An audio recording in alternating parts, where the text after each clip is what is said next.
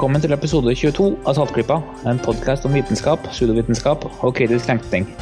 Jeg heter Marit, og med meg har- Nei, vent. Jeg heter Bendik. jeg. Jeg heter Bendik, og med meg har jeg Gunnar Hallo, hallo. og Marit. Hallo! Nå hadde jeg muta meg, så jeg hørte, dere hørte ikke at jeg lo, men jeg lo. må ikke lese, Bendik, du må tenke. Jeg er litt skeptisk til, til kildene dine her nå. Jeg liker ikke å tenke selv, jeg. Nei, la oss øh, bare gå rett videre. Jeg, jeg har lyst til å spørre dere to. Nå er vi dessverre bare tre personer i panelet i dag, så vi får ikke med oss øh, de andre til å spørre. Men øh, hvilke nettlesere bruker dere? Chrome. Firefox, Chrome og Opera. Jeg vet det rette Marit. svaret er opera, men uh, Marit helgarderer seg.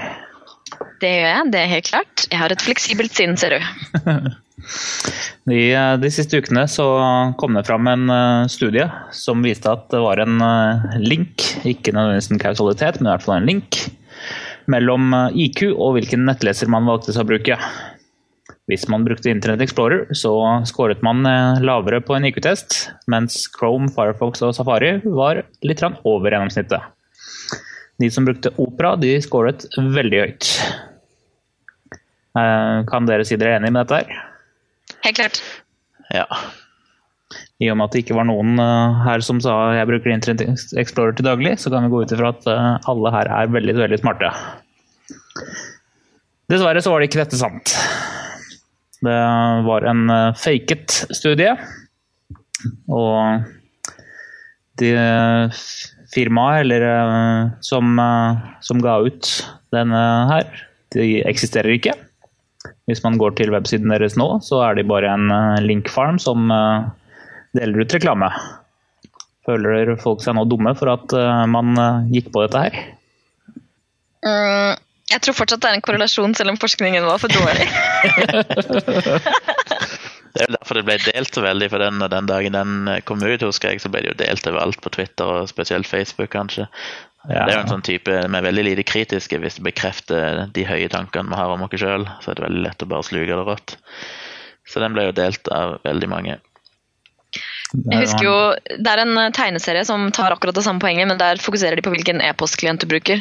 Eh, og der er det sånn, de, de som bruker gmail er vanlige oppegående mennesker. De som bruker hotmail er jo da, jo da de, de, get by, liksom, de klarer seg, de. Men, eh, men de er jo underlegne gmail-brukerne, det er helt klart. Og så har du Yahoo-brukerne, som er eh, da, da begynner vi å snakke om sånn foreldregenerasjon og sånn. Og så har vi AOL, da er du liksom helt Da, da har du så vidt tatt i en datamaskin før, hvis du bruker AOL.com. Så vet ikke, jeg. det er jo Altså, det har med identitet og greier å gjøre, vet du. Hva man bruker. Hva man ser vennene sine bruke, og, og ja, hvilke funksjonaliteter de har, og hva man anser som viktig. Så det er jo ikke umulig at det er en korrelasjon der, men, men eh, ja, det er jo ikke bevist ennå, så vi får vel bare la det være med spekulasjonene våre. Det er ikke like mye bare spekulasjon som eh, representant for nerdeverden her, så går det iltre og hete diskusjoner om eh, noe så banalt som hvilken nettleser eh, som er best, eller hvilken man skal bruke. Selv om eh, egentlig så er det ikke så store forskjeller på dem. Det samme går for operativsystemer. Det er en eh, viss elitisme der også. Eh, Mac, Mac versus PC går absolutt en elitisme gjennom også. og jeg har aldri alltid fått uh, vill props for at jeg vet hva Linux er, liksom. Og føler du deg smart, tenker jeg. ja. Men ja, det var Det var ingen link mellom eh, IQ og nettleservalget ditt, men vi alle følte at det var riktig, fordi vi bruker alternative nettlesere, de fleste av oss, i hvert fall i våre sirkler. Og vi føler oss så smarte, og vi trenger å begrunne det valget vi har gjort en gang, selv om det valget basically var helt tilfeldig. Men eh, speaking of eh, å være intelligent, Marit, du spottet noe veldig interessant, eller skal jeg si intelligent, i eh, avisen nylig. Ja, altså, dette er en kjempestor nyhet som eh, naturlig nok eh, hadde fremtredende plass på dagbladet.no her eh, for noen dager siden. Eh, Tittelen er 'Romvesener kan utslette menneskeheten pga. global oppvarming'. Undertittel 'Forskere advarer'. Forskere advarer. Så ja, nå må vi alle passe oss og virkelig ta oss sammen, fordi ellers så kommer romvesener til å ha lyst til å utslette oss pga. global oppvarming. Hva tror dere, gutter? Ja Det høres helt greit ut, det. Ja. Selv er jeg en uh, tilhenger av Tommy og tigeren sin uh, hypotese der. Det største argumentet for at det ikke finnes intelligent liv der ute, er at de ikke har prøvd å kontakte oss ennå. Nei, er det ikke det, det største argumentet for at det finnes intelligent liv, er at de ikke har tatt kontakt med oss? Ja, ja. My bad. Sånn går det an å knote til et sitat. Ja, og det var ganske grovt også. Ja. Men i alle fall ja. Det største argumentet for at det finnes intelligent liv der ute, er at de ikke har prøvd å kontakte oss. Takk. Vær så god. Uh, I alle fall, denne artikkelen argumenterer da for um, Den henviser til et en eh, nylig fagfellevurdert artikkel som var publisert i Acta Astronautica, som ellers ser ut til å være en sånn relativt oppegående journal, men som kanskje ofte har litt sånne spekulative historier. Eh, eh, og I denne artikkelen så ser de for seg ulike scenarioer som kan forekomme hvis romvesener kommer på besøk til oss. En av scenarioene de ser for seg, er at vi mennesker kan påkalle utenomjordiske veseners vrede. Fordi eh, hvis romvesenene tilfeldigvis er eh, hippier og økofriker og har lyst til å bevare alle økosystemene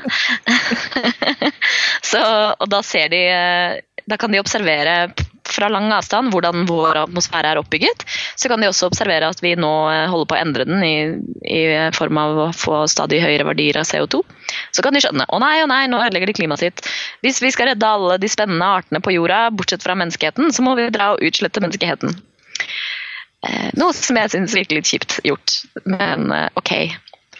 Men Har ikke CO2-nivået vært veldig høyt tidligere i jordas historie òg, av naturlige årsaker?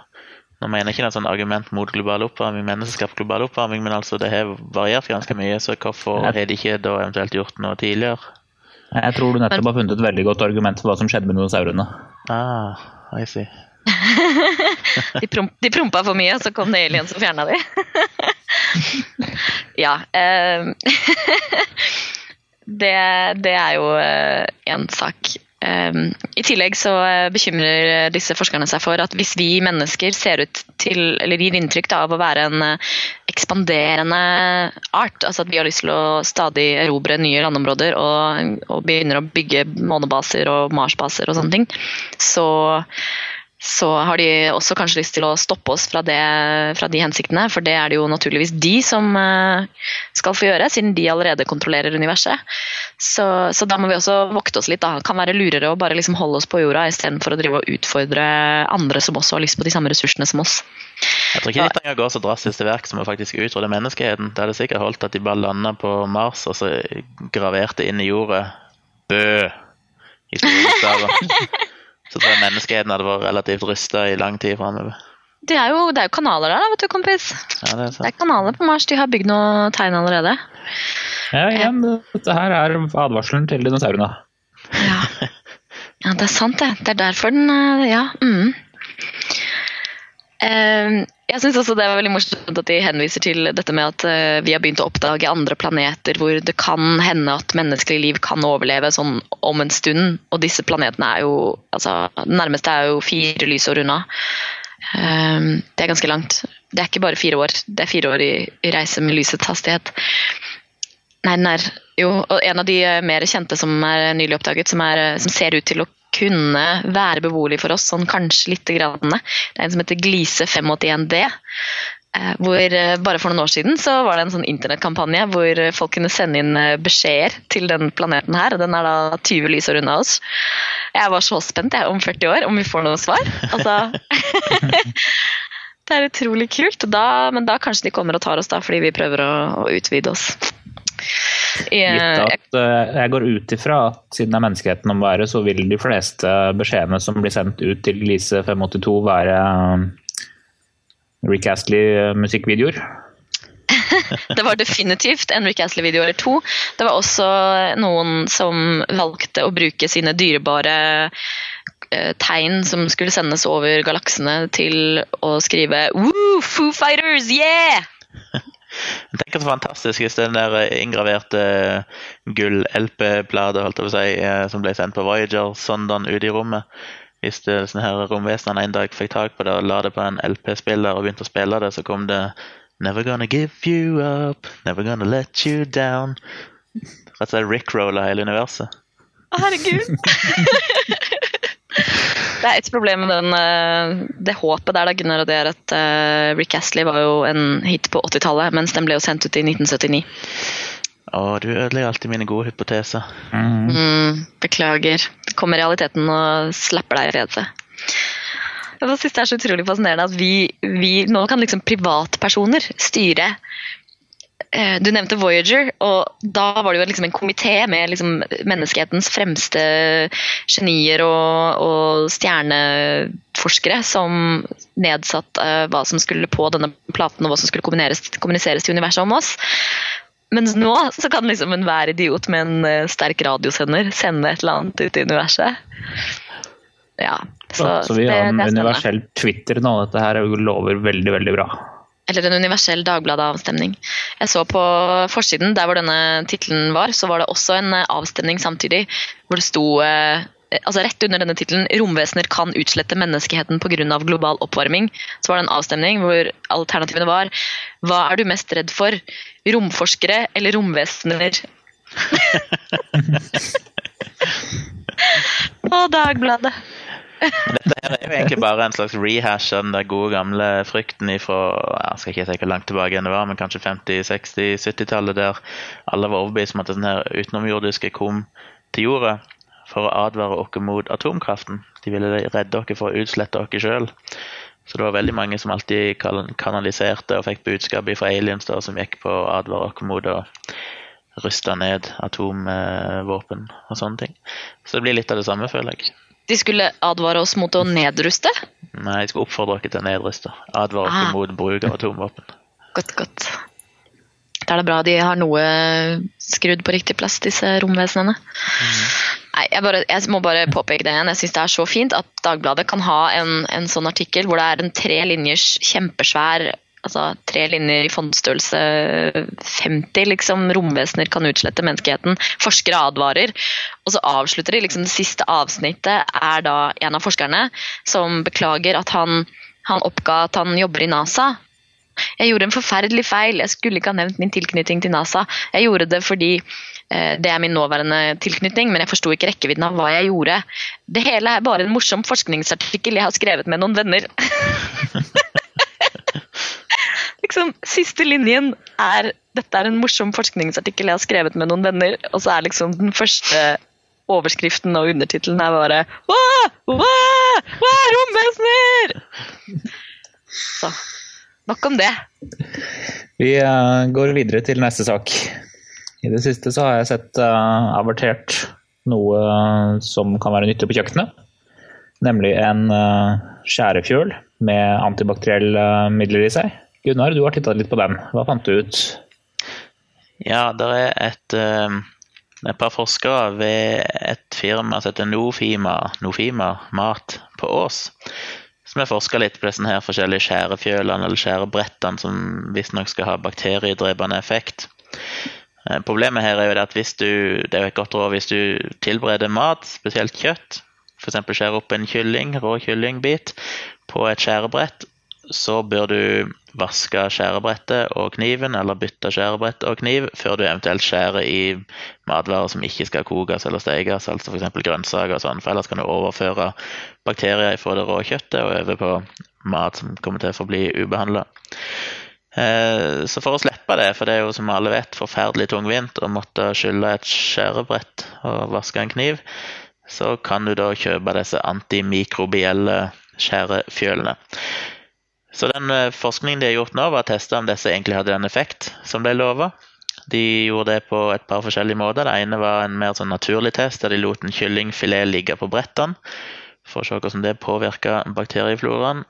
Og så prøvde de òg eh, litt mer kunstig ved å tilføre bakterier for å se hvilken effekt disse antimikrobielle materialene hadde på det.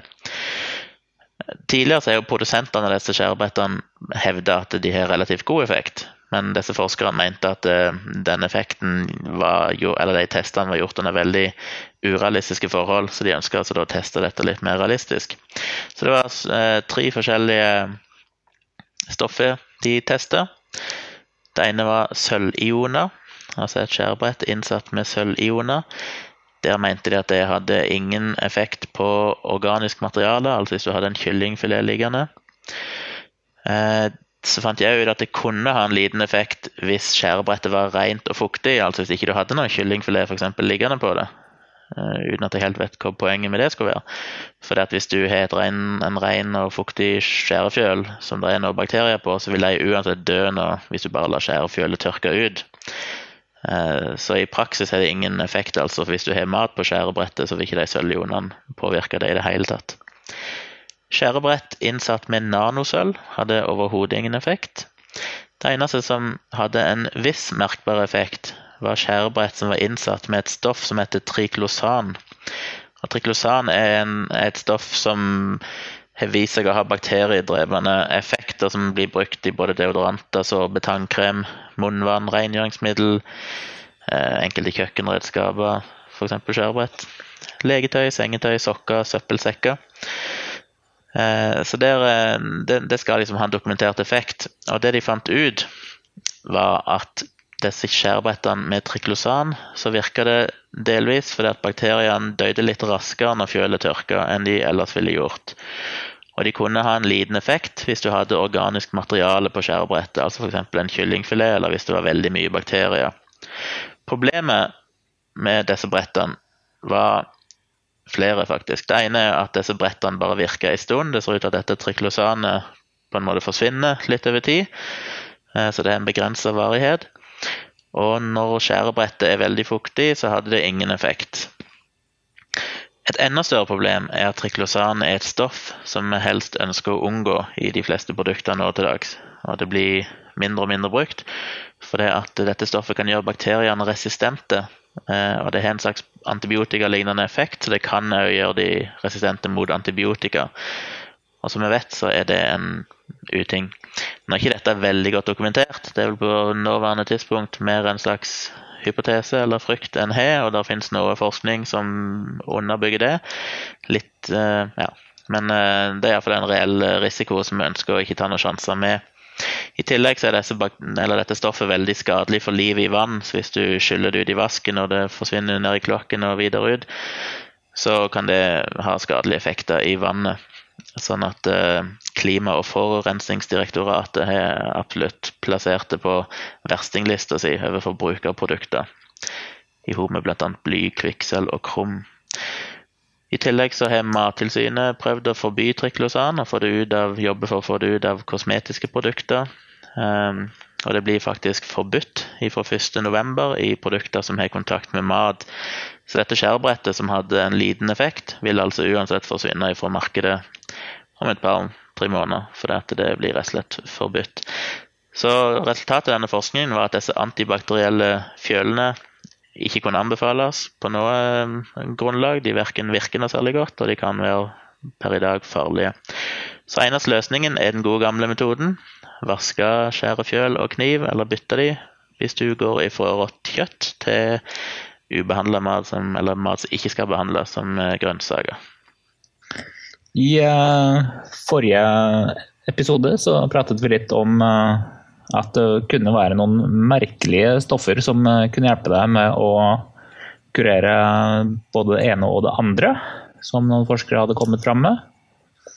Vi har to nye saker som eh, har kommet fram denne uken her, eh, for å fortsette på den serien. Det ene er at det er noen rapporter om at hunder kan trenes opp til å lukte lungekreft. Og det andre er at mot blodkreft især, men også muligens andre typer krefter, så er det veldig fint å ta MDMA, også kjent som ecstasy. Tror vi at eh, ecstasy kommer på apoteket snart? Samme som den forrige saken i siste sending med dette hiv-viruset, så er jo dette en modifisert versjon av ecstasy. Så jeg tror ikke vi skal oppfordre folk som bruker ecstasy på fest eh, og sånn, til å tro at de kommer til å ha mindre kreft enn andre, for det er ganske kraftige doser du skal ha for at dette skal ha noen effekt. Det blir en slags cellegiftlignende effekt hvis du kommer opp i veldig store doser. Men de har altså modifisert dette ecstasy-molekylet til at du kan bruke 100 ganger mindre enn det du egentlig trenger, eh, og få samme effekten. da. Ja, fordi hvis du, egentlig, hvis du bruker den dosen som man opprinnelig trengte for å kunne kurere kreft med det middelet, så, så var det 100 ganger mer enn kroppen din kunne tåle. Og nå har de da klart å finne en måte hvor, eh, hvor de kan bruke en hundredel. Men jeg tenker, altså Det er jo det, Med alle disse nye utviklingene, så er det jo liksom det, Kreft er jo liksom sykdommen å få, da. Fordi da kan du ta ecstasy for å bli frisk, og så kan du røyke hasj for å ikke være kvam. Mm. Apotekstyrt. Kjempelurt, Marit. Og det er altså ja, ukas anbefaling. Det er Uff a meg, uff a meg. Uff a meg. Nei, uff. Nei, nå er vi fæle mennesker. Nå fortsetter vi med noe lettere, tror jeg. Litt lettere ja. sykdom. Forkjølelse? Forkjølelse har vi også en follow-up fra, fra, forrige uke. Ja, jeg følte bare for å presisere et eller annet som eh, kanskje ikke ble utdypa nok i forrige sending. For det er jo kanskje det viktigste poenget med den forkjølelsesmyten er jo dette om du blir syk eller spesielt forkjøla av å fryse eller bli nedkjølt. Og Det som ofte går igjen i sånne debatter, selv om det altså er forska på dette, som jeg sa i forrige sending, og det er studert titusenvis av mennesker i hundrevis av forsøk, som viser at Nei, hundrevis er overdrevet. Men noen titalls forsøk som viser at det ikke er noen sammenheng verken med at du lettere blir syk eller får kraftigere symptomer. Så har en del fagfolk, jeg ser ofte de intervjuer leger, sånn, så har de alltid en hypotese om, om hvorfor det likevel burde være sånn. Eh, en vanlig hypotese er jo dette med at virus trives bedre i kroppen hvis den er litt nedkjølt. sånn at Det kan bety at du lettere blir syk, eller at slimhinnene dine bli både nedkjølte og kanskje litt tørre i den eh, tørre, kalde lufta, som gjør at virusene lettere kan gjøre deg syk. Så det mangler liksom ikke på hypoteser for hvorfor det eventuelt burde være sånn at du lettere blir syk når du fryser. Men da er vi inne på det som er så fascinerende med vitenskap, at dette er hypoteser. Det, finnes, det er ofte veldig lett å legge fram fancy forklaringsmodeller som sier hvorfor et eller annet burde være sånn. Men det som gjør vitenskapelig metode så veldig veldig god, er at du alltid må teste dette mot virkeligheten.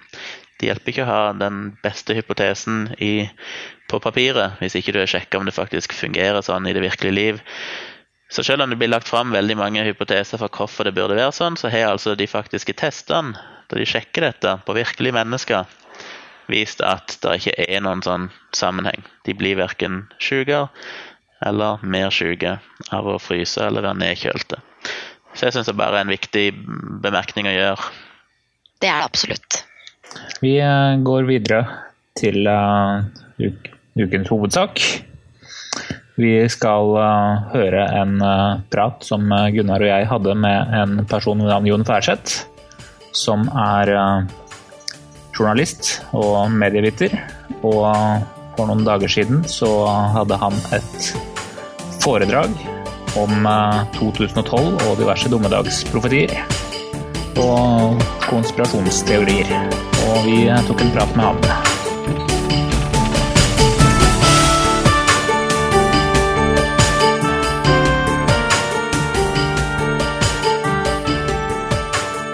Vi sitter med journalist og medieutgiver Jon Færseth. Jeg tenkte bare skulle begynne med å spørre ham hva tror du egentlig kommer til å skje den 21.12.2012?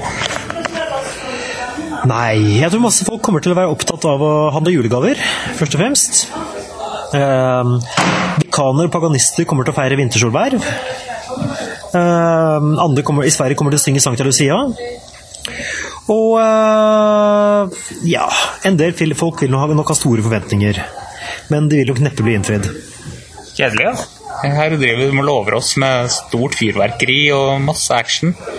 Og så blir det bare en helt vanlig julefeiring. Sånn kan det gå. Men det er jo ikke første gang man har, fått, man har spådd feil når det gjelder dommedagsvisjoner. Vi har f.eks. Eh, ja, en av de ledende innenfor 2012-feltet, nemlig Nancy Leader og det såkalte Zeta Talk, som jo har eh, kommet tilsvarende påstander allerede i 1997 og 2003.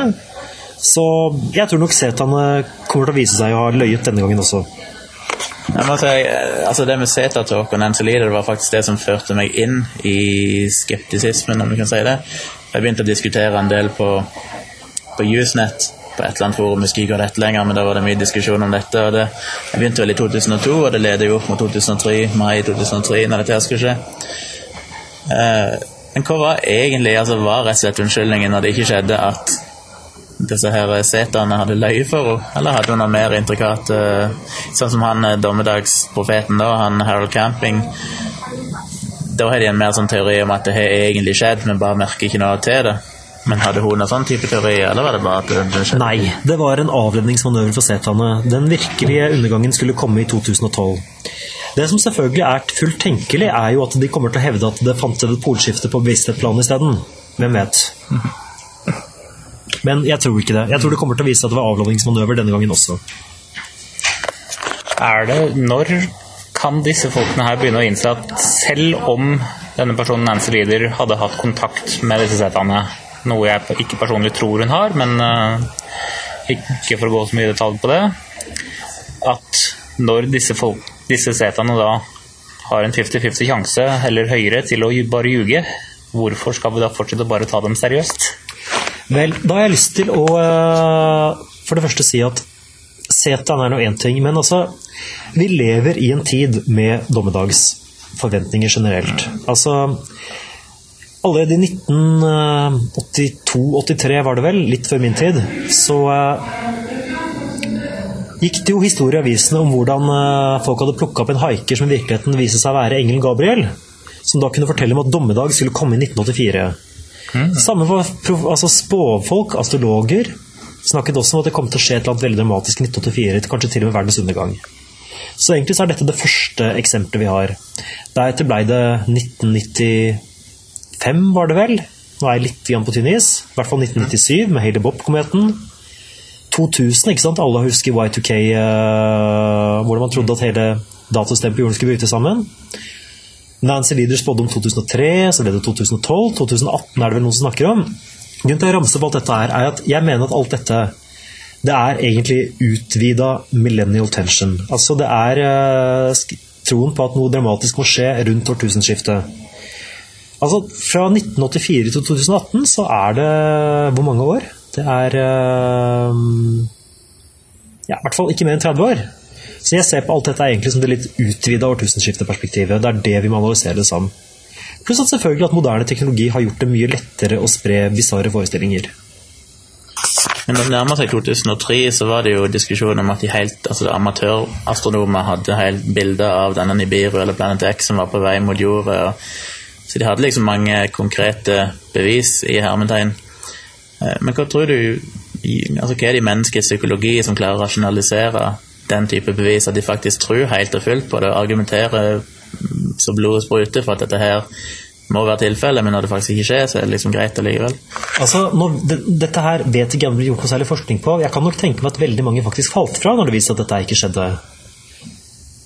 Utover det, altså hvorfor folk henger seg opp i rare ting, jeg tror det er rett og slett fordi at uh, altså, Merkelig nok så er faktisk den bisarre informasjonen nå lettere å få tak i enn mainstream, eller den kritiske.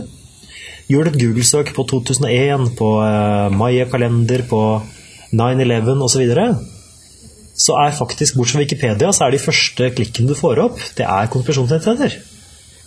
Det ser du på, på innvandringsdebatt. ikke sant? Uh, folk som bruker YouTube som kilde til at uh, det vanligste guttenavnet i Belgia nå er Muhammed. Bare tull. Men ikke sant? Man, det er lettere enn å gjøre researchen selv. Det er faktisk vanskelig å få tak i kritisk informasjon. Jeg vil jo si at folk er at det er mer konspirasjonsteori eller mer dommedagsprofetier nå enn det var for 100 år siden, for 50 år siden, før internett og før det var så lett å spre informasjon? Det er ikke godt å si. Det som nok var greia for 100 år siden, var at dette her var eh, stort sett var lokale fenomener. Du hadde en liten menighet som mente at jorden kommer til å gå under nå. Og så samlet de seg, og så skjedde ikke det.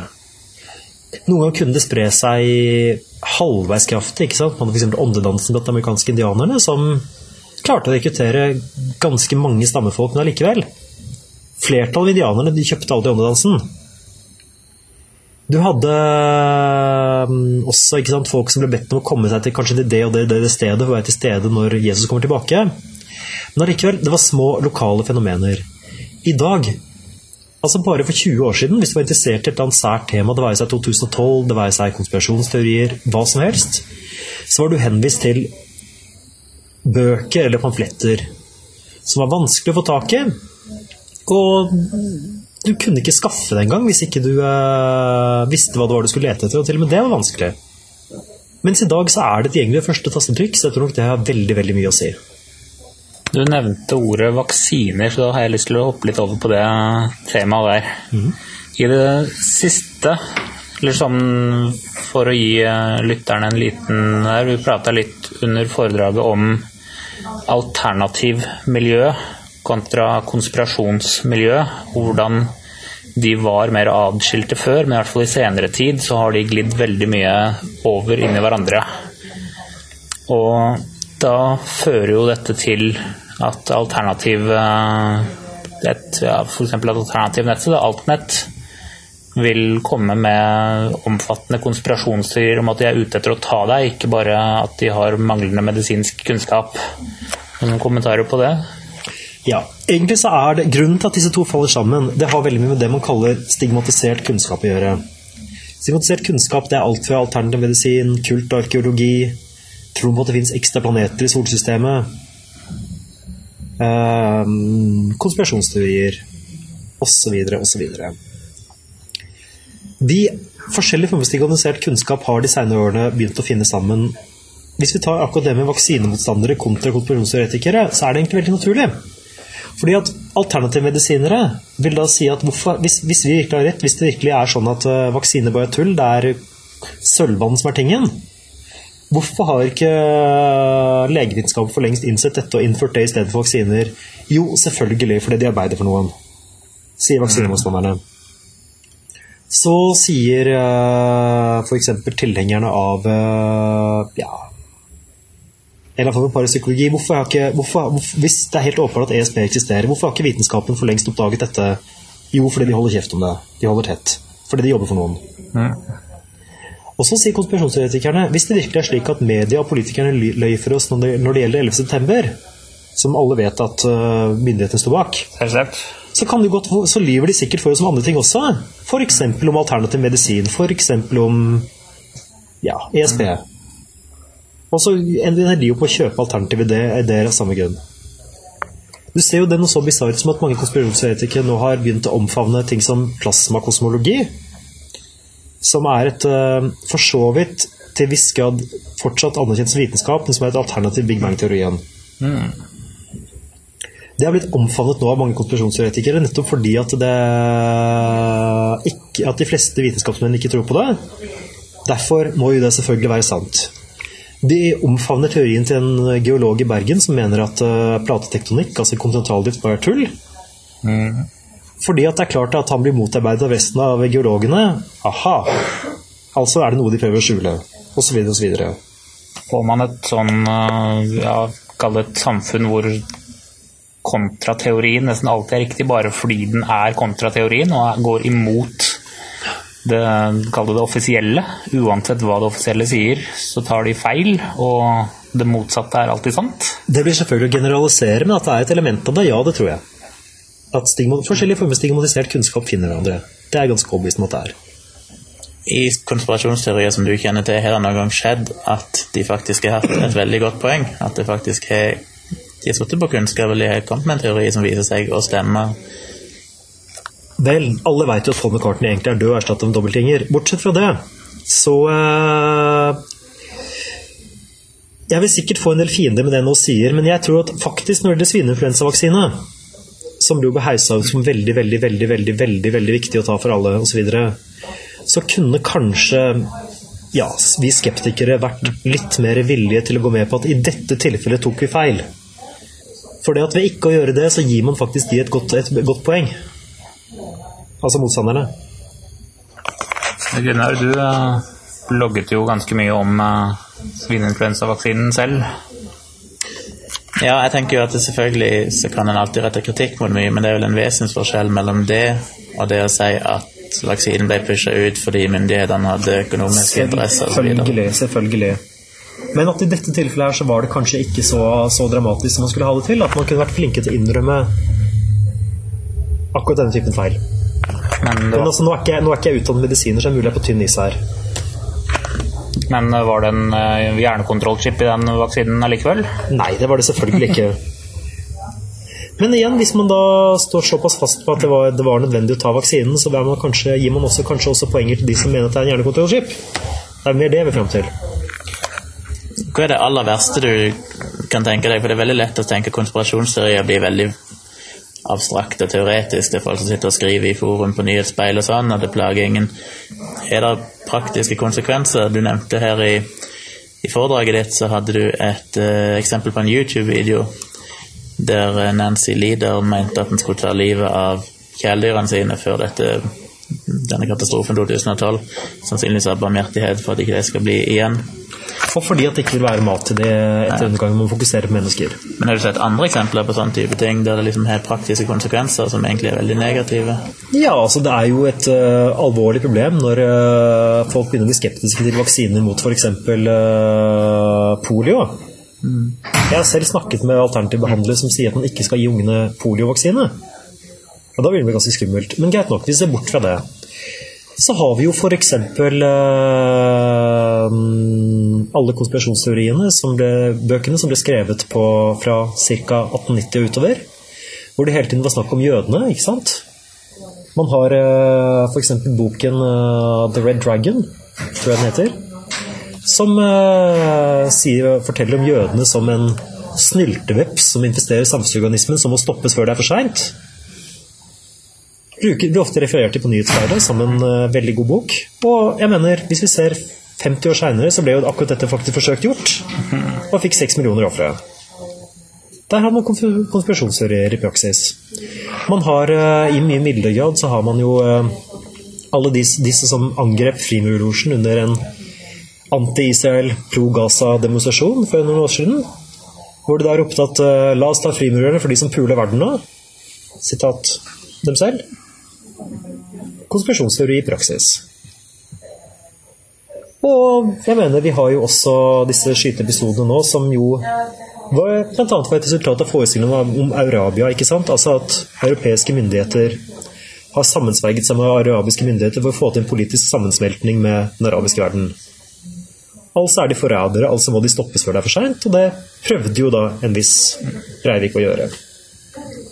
Det er jo veldig mange tydeligvis forskjellige entiteter som har ganske god kontroll over hva som foregår på, i verden. Vi har jødene som en fellesgruppe, selvsagt. Eller sionistene, som de veldig ofte blir omtalt som. Riktig. Eller kasarene. Og vi har Bilderberg-gruppen, og vi har Rothschild-familien, og nå er vel kanskje Rockefeller-familien uh, sparket ut snart, men Kennedy-familien tar vel overhånd eh, etter de. Rockefellerne lever i beste vedgående den dag i dag, og de styrer sammen med Rothschildene. De styrer sammen, ja. ja. Eh, men eh, mitt hovedspørsmål er er det innenfor konspirasjonsmiljøene så plukker man ut sin, e sin egen lille, som er, fiend, som er det, fienden. Du finner noen, du finner noen som mener at sionistene er de som styrer, og de mener jo at selvsagt at de som mener at Rothschild-familien er full of shit, og eventuelt Bilderberg-gruppen, og at jødene bare er eh, noen irrelevante små fluer. Men er det, eller finner man overlapp mellom de der? der at det er eh, krigende Man finner i høyeste grad overlapp, mye mer enn man gjorde før. Det er faktisk litt av det, litt av det som har skjedd med nettet. Fordi at tidligere, la oss si ta Kennedy-drapet ikke sant, så fantes det en hundrevis av ulike teorier som var gjensidig utelukkende. Noe som gjorde at bladet The Onion kunne ha en satirisk artikkel om at uh, Kennedy ble drept av 150 forskjellige attentatmenn med hver sin agenda. Det som skjer i dag, er at man i mye større grad finner sammen. Man uh, låner argumenter fra hverandre, man uh, diskuterer og kritiserer og kommer egentlig fram til mye bedre konspirasjonsteorier enn tidligere. Egentlig så minner det veldig mye om hvordan Wikipedia blir til. ikke sant? Du har uh, Gjennom diskusjon og samarbeid så fokuserer man på de gode poengene og sorterer ut det dårlige. Mm. Så det er, mye min, det er mye mer sammenfallende enn før, noe som er ganske skummelt. Og du ser mer og mer at det seiler opp mot at ja, klassiske syndebukker som jøder og frigjorde. Ikke sant? Nyhetsspeilet kjører noen holocaust-benektende artikler. Altså, jeg tror det skyldes veldig mye nye medier. Ikke sant? Du har fått uh, som, jeg, som, jeg, sa, hvis du googler et annet som helst tema, så vil du få opp 18 konfirmasjonsnettsteder nå. Mm. Det er veldig lett å få tak i det, og ikke minst så kan nye medier så kan ting deles på en helt annen måte enn før. Gjennom for eksempel, Man kan sende videoer til hverandre på Facebook, MSN osv. Maile til hverandre. Så YouTube-effekten generelt er veldig lett å lage en tilsynelatende dramatisk video ikke sant? med musikk, dramatiske bilder, effekter, som kan omvende en person som ikke har gjort veldig mye research. Så er det mye, også mye lettere å bare publisere ut noe uten at du har en eh, redaktør som uh, sier nei, dette her er bare svada. Ja. Jeg pleier å bruke som eksempel at hvis jeg hadde Jeg kunne nå lagd en video der jeg hevder at Justin Bieber er presidenten i USA. Det er like gyldig som uh, den riktig. falske personen vi har der nå? Den ville ikke være, og den ville ikke være Poenget er at hvis jeg lagde den videoen her, så ville ikke den være bedre eller dårligere enn de 100 som sier at det er Obama. Og hvis nok mennesker klikket inn på den, så ville den komme som første valg når folk søkte president av USA. Og så kunne man til og med tenke seg at jeg hadde fått eh, mine folk til å klikke masse like på den, og til og med gå inn og diskutere med andre som La oss si at hver eneste video som snakket om Obama, så vil de gå inn og krangle og si at nei, dette er bare tull, alle vet at det er Justin Bieber som president.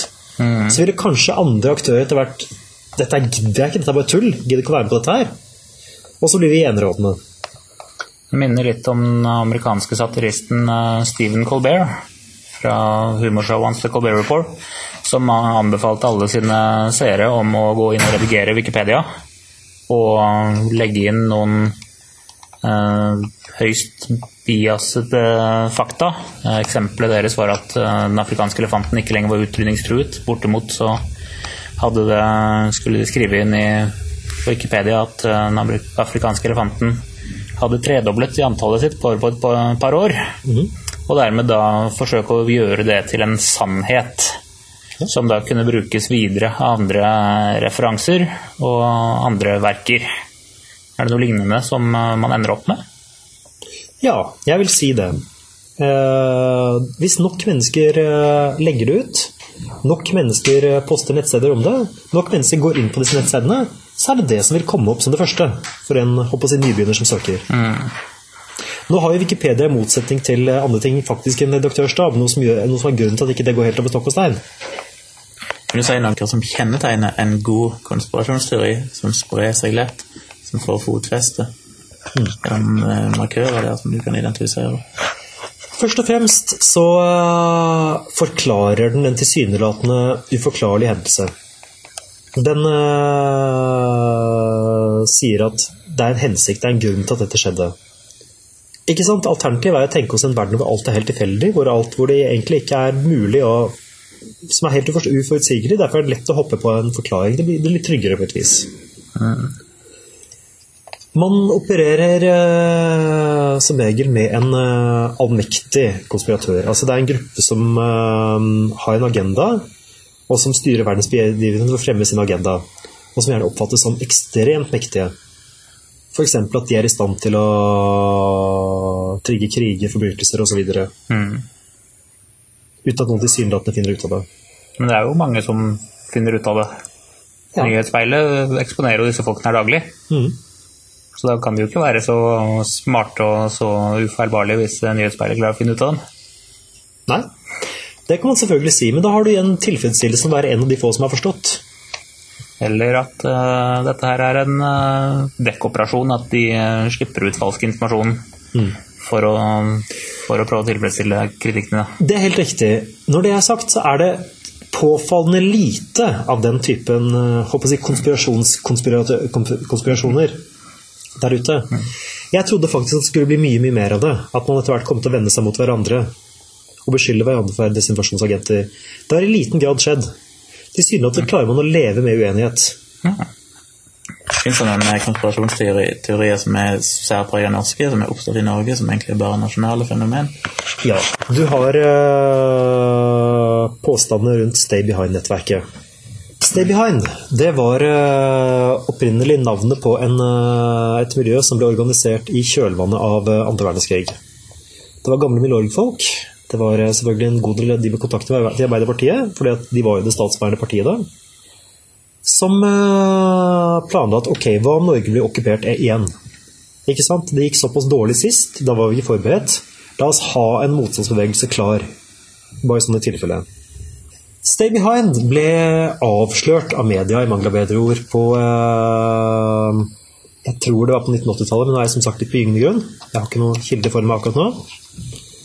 Og rulla opp i avisen, og kort etter så ble den nedlagt. For da var den kalde krigen nesten slutt. ikke sant? Det var ikke lenger behov for noe sånt. Stay Behind lever nå sitt eget, nett, sitt eget liv på norske konspirasjonsnettsteder. De blir uh, nå sagt å være Illuminatis private hær. De eh, står bak eh, psykiatriske eksperimenter på mentalsykehusene. De står bak eh, drap på f.eks. på filmregissører som finner ut for mye i forbindelse med arbeidet med filmene sine. Ja, i det hele tatt. Stay behind. De skal stå, til og med stå bak Ordu-drapet, sier noen. Enten fordi at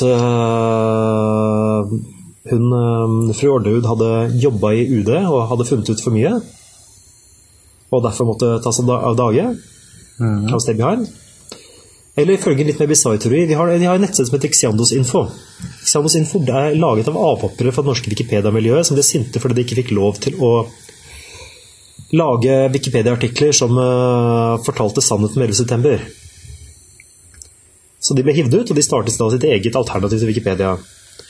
Der kan man nå lese om at uh, grunnen til Ordu-drapene det var at uh, daværende kronprins Harald hadde et forhold til den uh, nederlandske kronprinsessen. Mm. Som resulterte i et barn som i dag er en kjent norsk tennisspiller. Makes sense so far, ja. Mm. Dette her fant da hun uh, fru Orderud ut av. Og Derfor var det nødvendig å ta det, ta det i dage for å um, skjule sporene. Ah, ja. ja, Det er jo, høres ut som en hvilken som helst uh, spionfilm, det, så det mm. høres jo helt greit ut. Ja.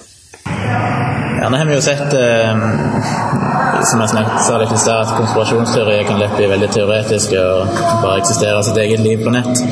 Men nå har vi jo nylig sett her i Norge de faktiske konsekvensene av konspirasjonsteori. Hva de faktisk kan, kan gjøre med mennesker som Ja, det viser jo at det er farlig, tross alt. Og Hva mener du, når det var mye snakk om hva som kunne ha unngått dette, og hva må vi gjøre som et folk? Altså, her, kan den type konspirasjonsteorier bekjempes, tror du, gjennom at folk er aktive i å, å si imot, eller vil de alltid leve sitt eget liv uansett?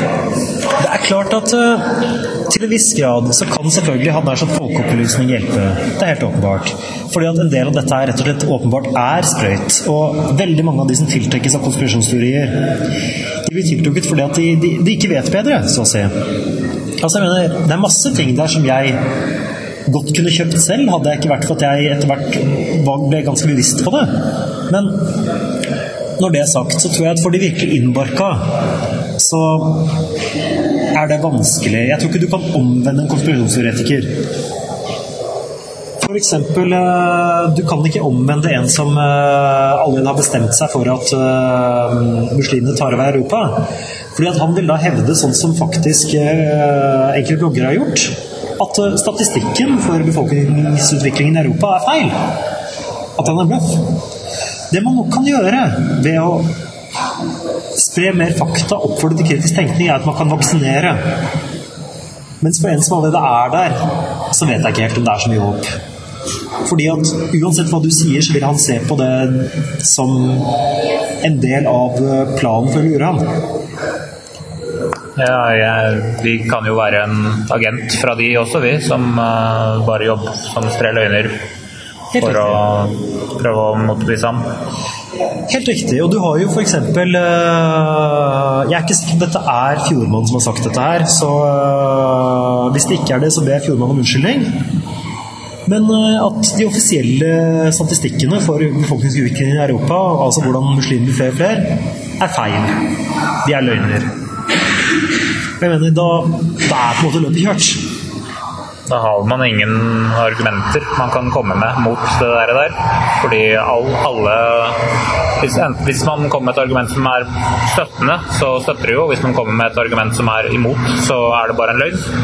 Og dermed passer alt inn i verdensbildet. Det er helt riktig, og der har du også et veldig morsomt moment som er at konspirasjonsteoretikere har et kjærlig talsspråk til akademikere. På den ene siden forakter de dem. De ser på akademia som en del av den store konspirasjonen. Og sånn at akademikere kritiserer dem, så viser det bare enten at de er med på å undertrykke sannheten, eller i beste fall at de sitter, de sitter i sin egen lille lekegrunn og klarer ikke å bruke tverrfaglige verktøy til å forstå hvordan ting virkelig henger sammen. Mm. Samtidig, hvis de finner noe en akademiker sier, eller til og med en ekte akademiker som faktisk støtter dem, så vil de ofte omfavne vedkommende. Mm. Det er et paradoks. Ja, det er litt av det samme som jeg har sett med, med antivaksinegjengen nå i forbindelse med Pandemrix, som de antyder kanskje kan være en kobling med narkolepsi. Mm. Og da er det jo sånn at Hvis hadde, hvis Legemiddelverket aldri hadde kommet fram med den informasjonen, så hadde det vært bevis på at selvfølgelig de undertrykker den informasjonen. Når de nå faktisk allikevel viser at det er våre bivirkninger, kanskje, mm. så er det et bevis på at ja, det er bivirkninger. Så enten de kommer fram med det, eller de ikke sier noen ting, så er begge deler et bevis på at det er bivirkninger. Så det er sagt en kamp du aldri kan vinne. Helt riktig. En annen ting konspirasjonsteoretikere ofte ser ut til å være veldig glade i populærkultur. Altså eh, La oss si at eh, det kommer en ny actionfilm som eh, tar for seg ja, politikere som prøver å holde sannheten skjult om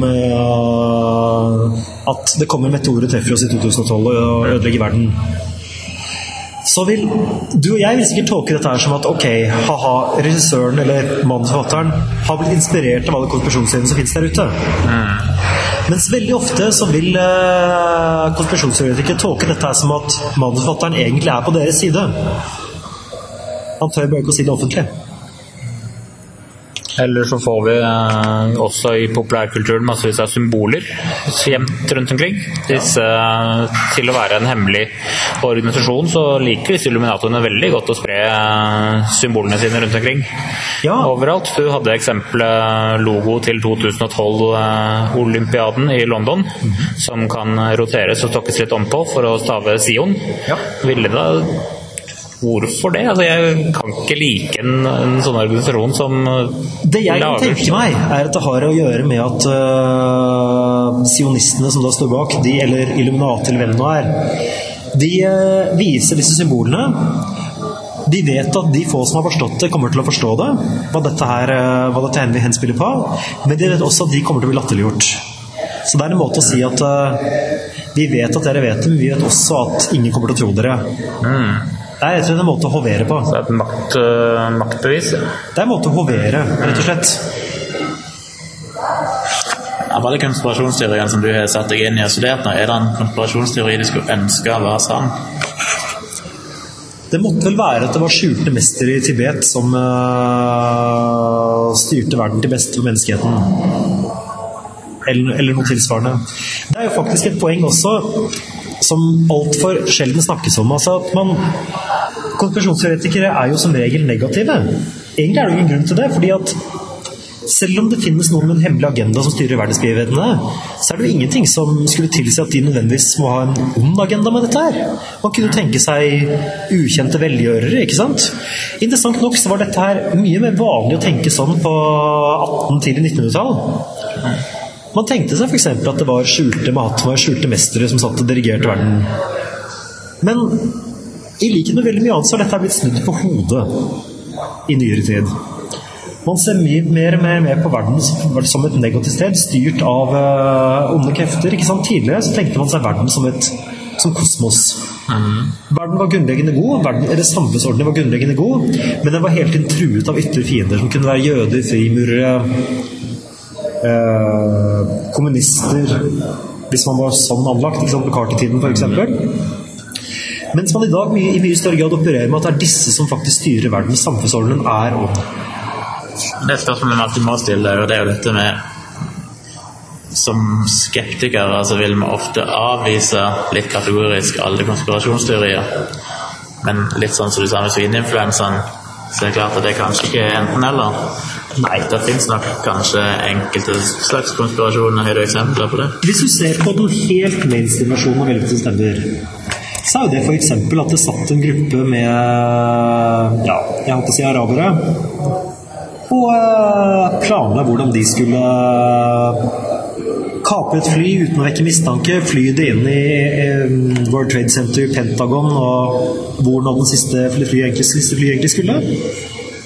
Det er jo helt klart det er en konspirasjon som var vellykket. Hvis du ser på den russiske revolusjonen, så var det en konspirasjon blant bolsjevikene om å ta makten i Russland som de klarte å få til.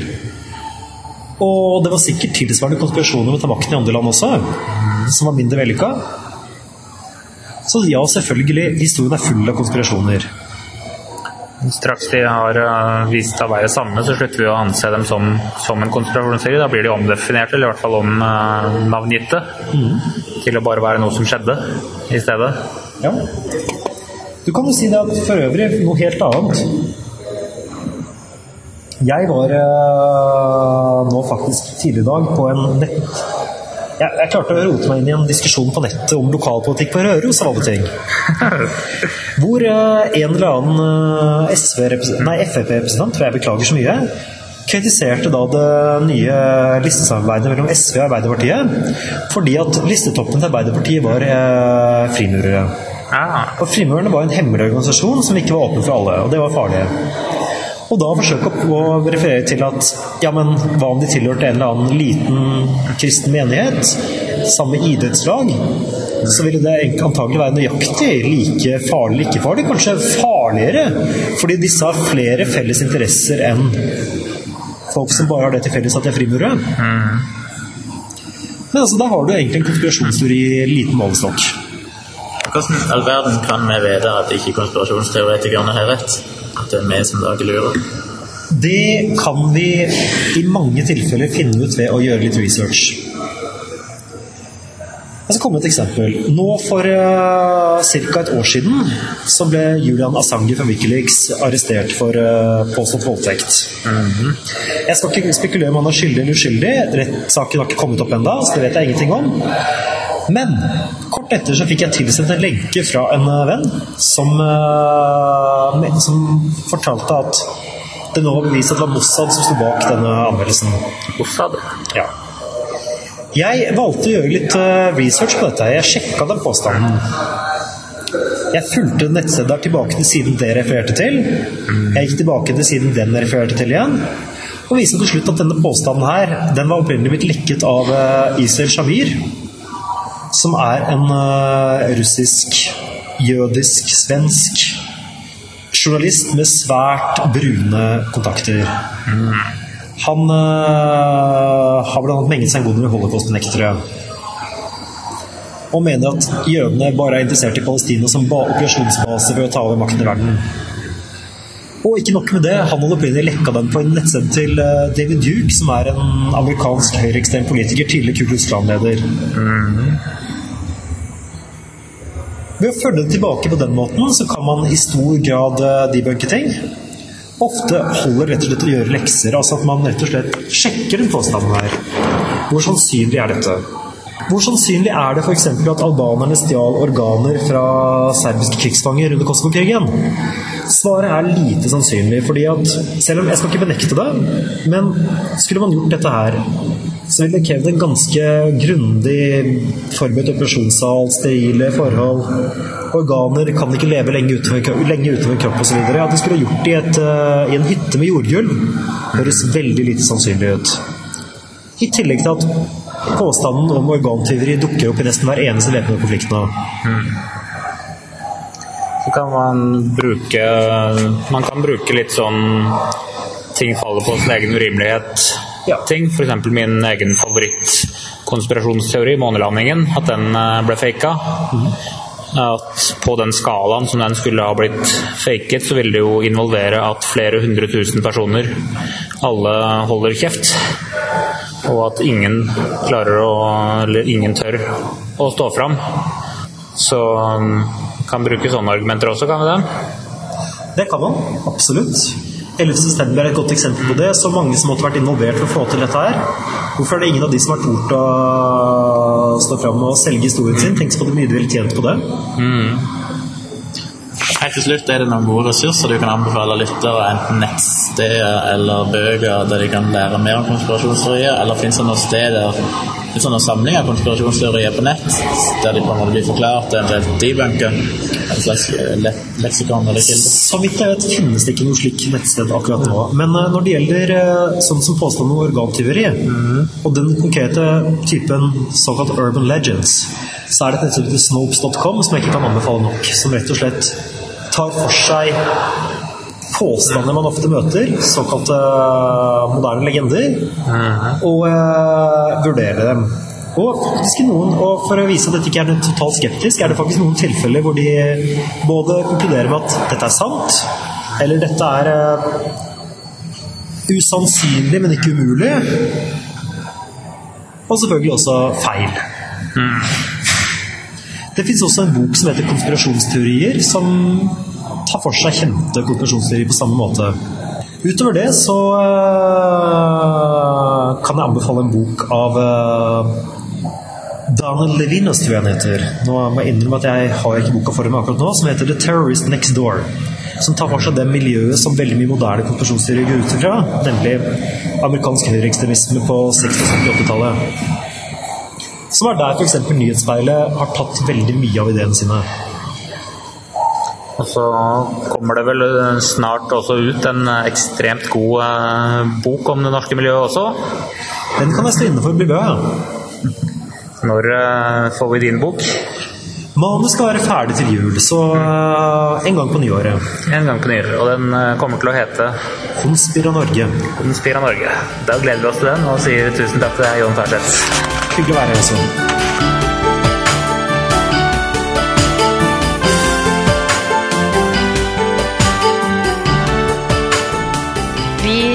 Videre til ukens anbefaling, som jeg hadde tenkt å komme med. Det er egentlig et par anbefalinger. Eh, beklageligvis, så, eh, beklageligvis for dere som ikke bor i Oslo, så er de fleste av disse i Oslo. Eller alle er i Oslo, men uansett. Det er en del hendelser i Oslo de kommende ukene og månedene som jeg bare tenkte dere kunne få høre om eh, med en gang. Så kanskje også noen av dere som ikke er i Oslo i utgangspunktet, kan ta turen hvis dere har anledning. Det første er eh, Richard Dawkins skal opptre på Universitetet i Oslo 2.9. Riktignok så er ikke han hovedattraksjonen i, den, eh, i, det åpne arrangementet. Det er en som heter Elizabeth Hadley, som jobber med evolusjonsbiologi, som skal holde hovedforedraget. Men Richard Dawkins skal holde en innledning, og han skal være med å intervjue henne etterpå. Så det blir jo iallfall anledning til å se han. Kanskje det også man klarer å løpe opp til han i pausen og gi han en klem hvis, eh, hvis han ikke ser skuler på deg først, og du ikke tør. Han er det, veldig veldig glad i at folk løper opp til ham og gir ham klemmer. Det kan vi eh, fortelle med personlig erfaring. Bare pass på at hvis du er kvinne, eller for så vidt mann òg, og tar heisen med han, så må du for all del ikke tygge tyggis. Det er sant. Det liker han ikke. Det har han faktisk uttalt offisielt. Eh, det neste er eh, Noam Chomsky, den kjente lingvisten og samfunnsdebattanten. Han skal opptre på Studentersamfunnet i Oslo 6.9. Det er i hvert fall et foredrag med han som er hovedattraksjon, så, så, det blir også veldig spennende. For å finne ut mer om det, så kan du se på studentersamfunnet.no. Eh, det neste jeg hadde tenkt å tipse dere om, er fysiker Lawrence Krauss, som er relativt kjent for å ha holdt et veldig bra foredrag som heter 'Universe from Nothing' som svarer på en del spørsmål som skeptikere og ikke-religiøse ofte får angående alle tings begynnelse. Eh, og det foredraget han skal holde der, det er da på den 22. september. Det heter, arrangementet heter Akademisk vorspiel, og han skal snakke om sin siste bok, som handler om Richard Feynman og heter Quantum Man. Det tror jeg blir veldig bra. Vi så for øvrig det foredraget i, eh, i Las Vegas, og jeg felte et par tårer under det foredraget, for det var så fint. Så jeg anbefaler det. Vi jobber for øvrig med å få han med på puben eh, den dagen eller dagen etter, så vi satser på at det går bra på Skeptikere på puben i Oslo. Det neste jeg vil nevne, er en mann som heter Massimo Piliucci. Han er biolog og filosof og jobber i New York. Eh, og han skal holde et åpent foredrag på Litteraturhuset 21.10, som er arrangert av eh, CEES, et forskningssenter på Biologisk institutt på UiO. Det skal være klokken seks da på fredag 21.10. Vi jobber også med å få han med på puben. Så det håper jeg på. Det aller siste jeg vil nevne, er eh, en til som vi også håper å få med på puben. Nå var det veldig mye pubreklame her. Jeg aner en trend. Til dere som er under 18, så Sorry. Nei da, dere kan være med, dere òg. Det er i hvert fall Ben Goldacre som kommer til landet 9.11. Jeg vet han skal være i Trondheim også. Jeg tror det er den 8. november. Jeg skal finne linken, så kan Bendik legge det ut på websidene våre. Um, han kommer til et arrangement som ennå ikke er sånn helt offentliggjort, men uh, så fort det er klart, så skal jeg selvfølgelig fortelle dere om det. Og uh, bare holde datoene, og vi satser på å få med han ut og ha det hyggelig. Og det var vel de eh, arrangementene som jeg vet om i nærmeste framtid som er virkelig, virkelig verdt å få med seg. Eh, hvis det er noen som har tips til arrangementer eller aktiviteter som er andre steder, så kan dere sende det inn til oss på eh, kontakt at saltklypa.no. Og vi kan Post at saltklypa.no. Unnskyld. Unnskyld. Post at saltklypa.no. Det er ikke så ofte jeg bruker den adressen selv. Vi kan gladelig videreformidle det. Vi kan også tipse om at eh, det er eh, det ulmer sånne skeptikere på puben-treff rundt om i landet vårt. Og relativt ofte så samler det seg en innsats for å få til det på skepsis.no slash forum under aktiviteter. Der eh, foreslås det datoer, og så prøver man å finne hverandre. Og så hender det at det skjer noe. Jeg vet at det har vært en i Bergen som har vært et produkt av dette her, og det har vært veldig vellykket. Så anbefaler å ta en titt på det også. Og det var det jeg hadde tenkt å anbefale. Takk for det. Da, da ender denne episoden her opp med å bli ferdig, den også. Da gjenstår det bare å Vi sier eh, ha det, alle sammen. Ha det, alle ha det bra. Ha det, alle sammen. Så høres vi igjen om ca. en uke.